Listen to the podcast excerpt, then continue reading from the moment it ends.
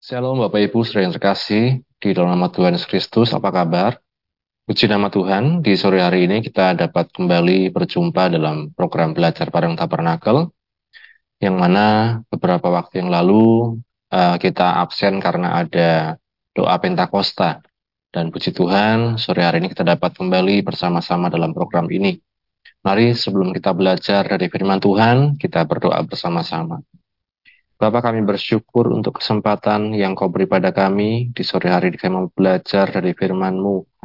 Bukalah hati kami, pikiran kami, dan mampukan kami roh kudus untuk mengerti, memahami, dan memampukan kami untuk melakukan firman-Mu. Kami bersyukur, ini doa kami, di dalam nama Tuhan Yesus kami berdoa, haleluya. Amin. Puji Tuhan, Bapak Ibu Saudara sekalian, kita akan kembali melanjutkan pembelajaran kita dari topik tabernakel kita akan uh, kembali mengulang apa yang sudah kita pelajari di waktu yang lalu. Ini merupakan skema-skema suci yang tidak bosan-bosannya saya ulang karena ini menjadi satu patokan dalam kita mempelajari tabernakel. Dalam skema-skema suci ini kita melihat ada uh, terbagi dari terbagi menjadi tiga bagian yaitu halaman, kemudian ruang kudus dan ruang maha kudus atau ruang suci dan ruang maha suci. Di halaman kita masuk dalam pintu gerbang itulah yang menandakan kita percaya kepada Tuhan Yesus Kristus sebagai Tuhan dan Juru Selamat kita. Selanjutnya di mesbah korban bakaran kita uh, melihat dan menyadari betapa besarnya pengorbanan Kristus Yesus dalam kehidupan kita. Dia mempersembahkan tubuhnya sendiri sebagai persembahan untuk menebus dosa umat manusia. Kemudian di kolom pembasuhan kita melihat bagaimana ini menggambarkan adanya peristiwa baptisan air atau penanggalan manusia lama dan kemudian ketika dia bangkit dia menjadi manusia yang baru ketika dia diangkat dari air. Nah, ini menjadi gambaran kita kalau sudah percaya pada Tuhan Yesus, kita sudah mengerti korban Kristus, Mari kita juga dikatakan kita menanggalkan, meninggalkan manusia lama, kebiasaan lama, semua itu dikatakan itu adalah kehidupan yang lama yang harus kita tinggalkan. Di pintu kemah kita belajar tentang betapa pentingnya baptisan Roh Kudus dalam kehidupan kita. Kita hanya bisa memenuhi tuntutan hukum Allah ketika dalam Roma dikatakan kita hidup dalam hukum roh dan kehidupan bukan dari hukum Taurat, bukan dari hukum daging, hukum maut yang mematikan, tapi oleh karena roh itu menghidupkan. Kalau Bapak Ibu saudara sekalian mengikuti ibadah minggu lalu, roh itulah yang menghidupkan kefanaan kita, manusia, ketidakmampuan kita sebagai manusia. Jika kita dipenuhi roh kudus, dituntun roh kudus hidup dalam roh, dikatakan kita mampu untuk hidup dalam ruang suci ini dalam tanda-tanda apa? Ada pelita emas menjadi terang, ada meja roti sajian, itulah kehidupan yang penuh dengan firman, tiap hari bergaul dengan firman Tuhan. Kemudian mesbah dupa atau mesbah emas, itulah dikatakan uh, kehidupan yang ada uh, penyembahan, doa dan penyembahan yang terus-menerus kepada Tuhan. Kemudian di pintu tirai ini melambangkan kedagingan, keegoisan, kemanusiaan kita. Yang ini perlu dikatakan diruntuhkan. Dan ketika Yesus Kristus uh, mati di kayu salib, itu dikatakan uh, tirai ini robek menjadi dua, terbelah menjadi dua. Sehingga kita dapat melihat masuk kepada uh, ruang maha suci, ruang maha kudus. Ruang maha kudus inilah di dalamnya dapat perjanjian atau tabut hukum Allah yang itu menandakan satu persekutuan intim dengan Tuhan, persekutuan yang luar biasa dengan Tuhan. Maka saya katakan tabernakel ini merupakan gambaran dari karya Yesus untuk kita sekalian mendapat satu jalan masuk kepada Bapa di surga. Mendapat jalan masuk untuk dikatakan menghadap tahta kasih karunia seperti yang dikatakan di Ibrani pasal 4. Ya, Bapak Ibu saudara sekalian, dua minggu yang lalu kita belajar tentang taat menjalankan petunjuk Tuhan. Dalam hal ini kita belajar dari ketaatan Musa untuk dia membangun, membuat alat-alat tabernakel, menjalankan sesuai dengan perintah Tuhan. Ya, tokoh di Alkitab ini yang taat kepada petunjuk Tuhan.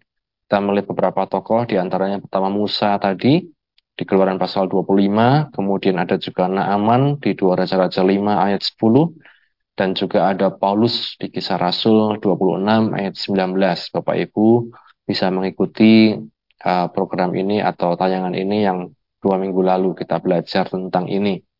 Jadi ketaatan pada Tuhan itu mendatangkan berkat membuat kita dipakai Tuhan untuk menjalankan pelayanan seperti Musa, kemudian membuat kita dapat menerima berkat seperti Naaman dia menerima kesembuhan, kemudian juga dikatakan ketaatan ini memampukan kita bertahan sampai akhir seperti Rasul Paulus. Ya, jadi betapa penting dalam kehidupan kita Bapak Ibu Saudara sekalian untuk kita bukan hanya mengerti tetapi juga taat kepada apa yang firman Tuhan katakan.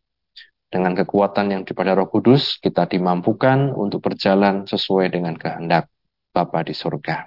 Nah, Bapak Ibu Saudara sekalian, di Rabu ini kita belajar satu topik lagi tentang kerinduan Tuhan untuk dekat dengan umatnya. Jadi kalau kita melihat tabernakel ini sebenarnya atau sejatinya merupakan satu bukti kerinduan Tuhan untuk dekat dengan umatnya.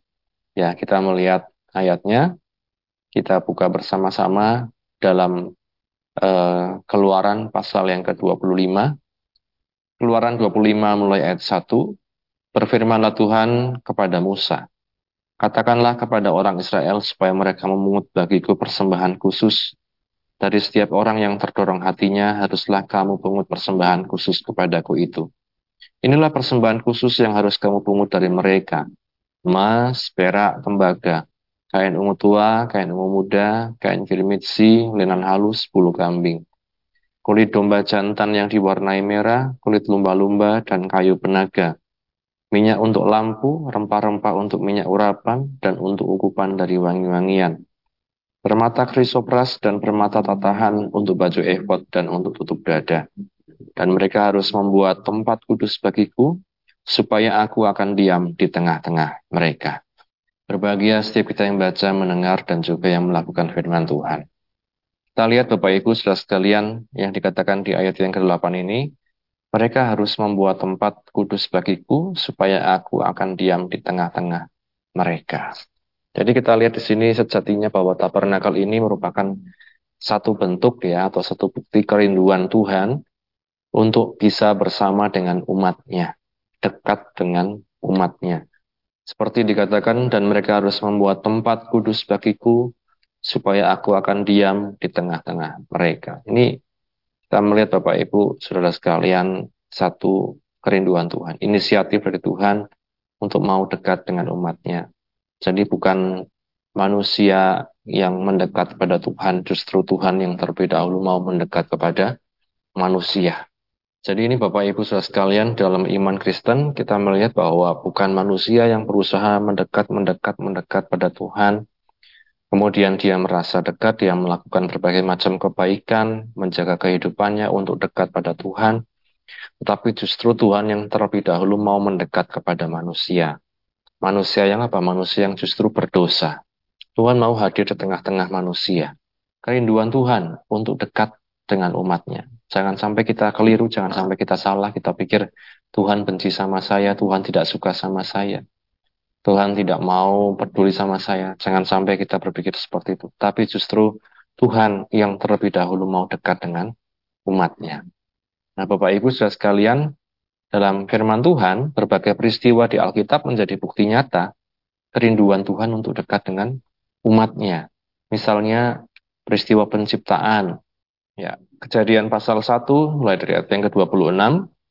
Berfirmanlah Allah, baiklah kita menjadikan manusia menurut gambar dan rupa kita, supaya mereka berkuasa atas ikan-ikan di laut dan burung-burung di udara, dan atas ternak dan atas seluruh bumi, dan atas segala binatang melata yang merayap di bumi. Maka Allah menciptakan manusia itu menurut gambarnya.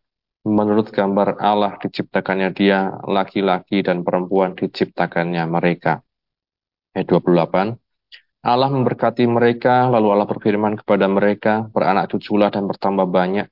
Penuhilah bumi dan taklukkanlah itu, berkuasalah atas ikan-ikan di laut dan burung-burung di udara, dan atas segala binatang yang merayap di bumi. Kemudian kita baca lagi di kejadian pasal 2 mulai dari ayat yang keempat.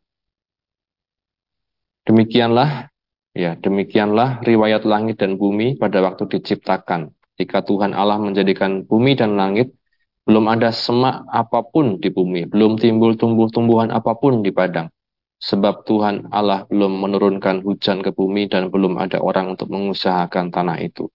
Tetapi ada kabut naik ke atas dari bumi dan membasahi seluruh permukaan bumi itu. Ketika itulah Tuhan Allah membentuk manusia itu dari debu tanah dan menghembuskan nafas hidup ke dalam hidungnya. Demikianlah manusia itu menjadi makhluk yang hidup.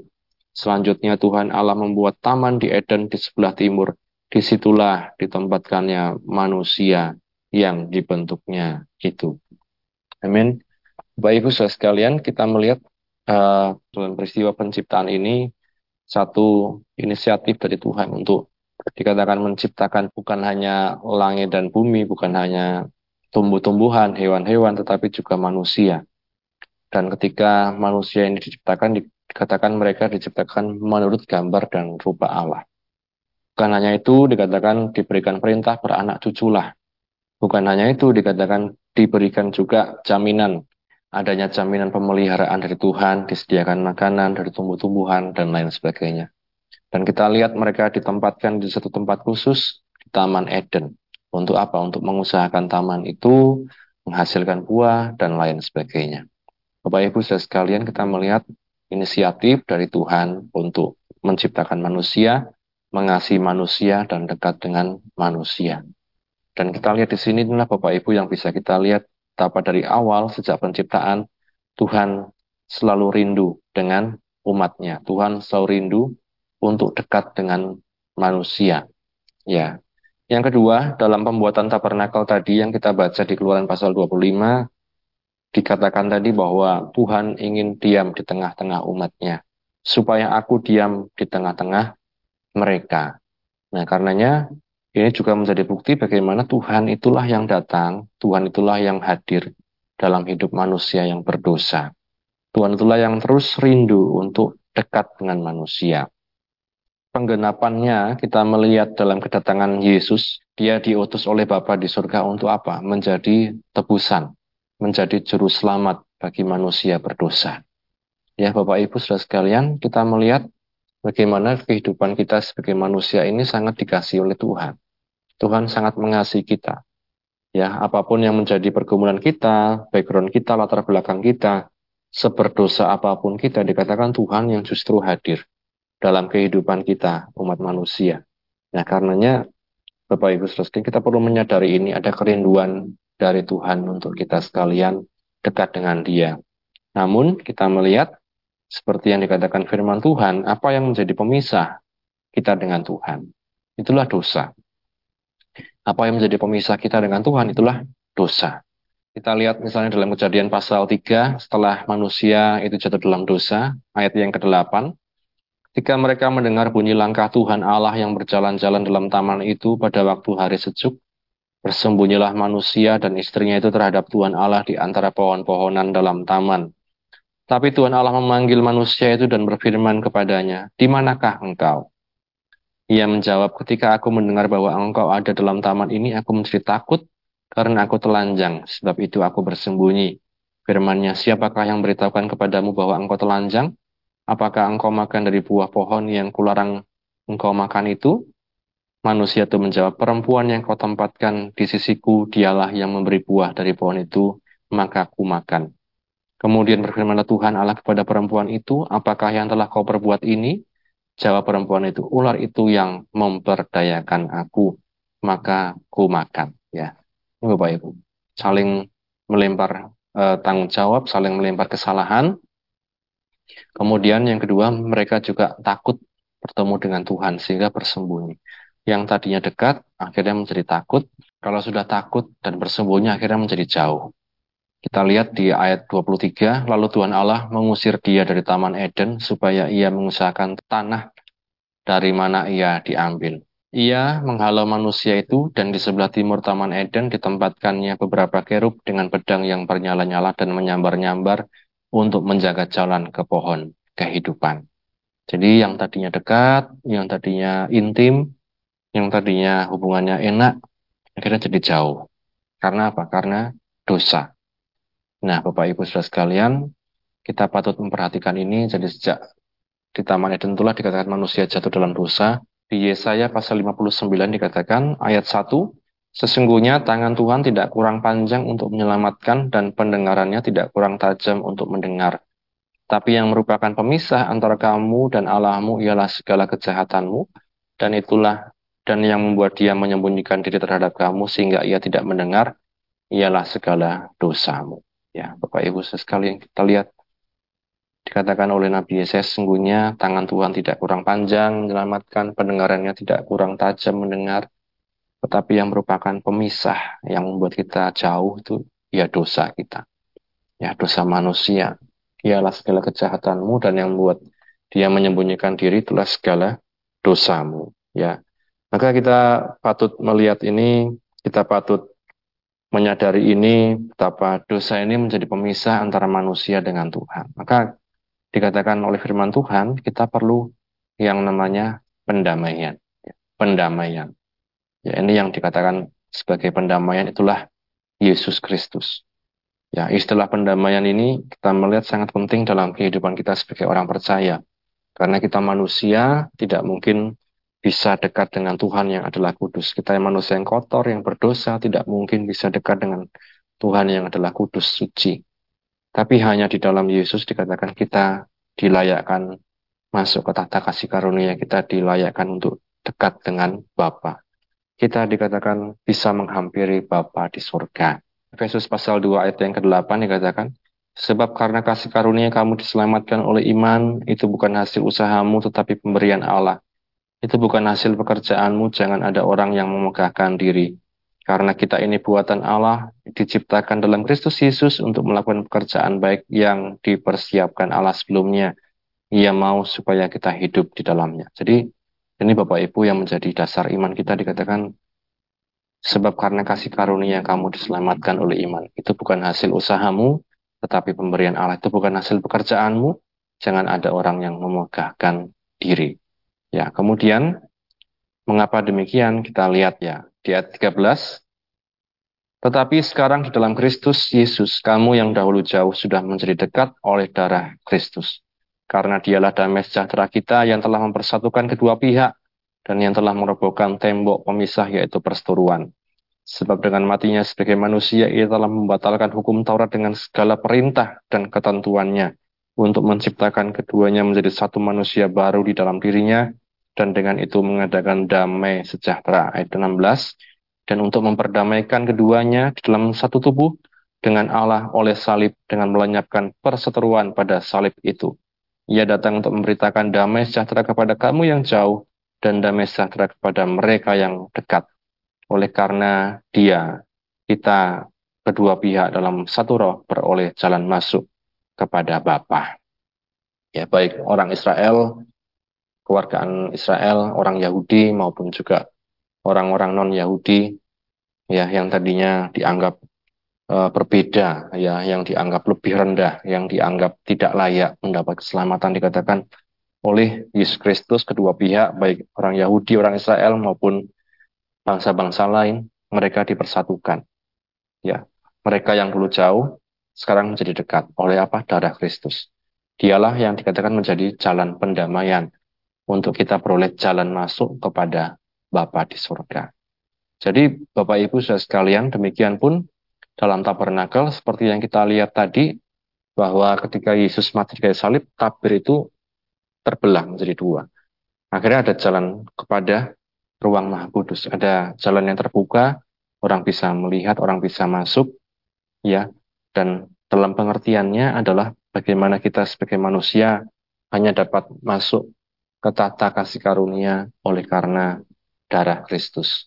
Oleh karena apa yang Yesus sudah lakukan dalam kehidupan kita. Menghargai korban Kristus, menghargai apa yang Yesus lakukan untuk kita manusia berdosa. Itulah yang dikatakan menjadi jalan masuk kita untuk mengalami satu hubungan intim dengan Bapa di surga. Ya, karena itu saya katakan bahwa tabernakel bukan saja merupakan gambaran tata ibadah sorgawi, namun juga bukti kerinduan Allah untuk diam bersama umatnya di dalam karya penebusan Tuhan Yesus Kristus. Amin, Bapak Ibu sekalian. Dan hendaknya ini juga yang menjadi uh, pemikiran kita, mindset kita kalau belajar tabernakal itu bukan artinya kita kemudian akan menjadi semakin mengerti, semakin suci, semakin hebat, semakin lebih dari yang lain. Bukan. Justru kita semakin menyadari kita ini manusia berdosa yang tidak layak, tetapi oleh karena darah Yesus kita dilayakkan untuk dapat mengalami satu hubungan yang dekat dengan Bapa di surga. Dan kiranya firman Tuhan dan renungan kita pada uh, sore hari ini menjadi berkat untuk kita sekalian. Mari sama-sama kita berdoa.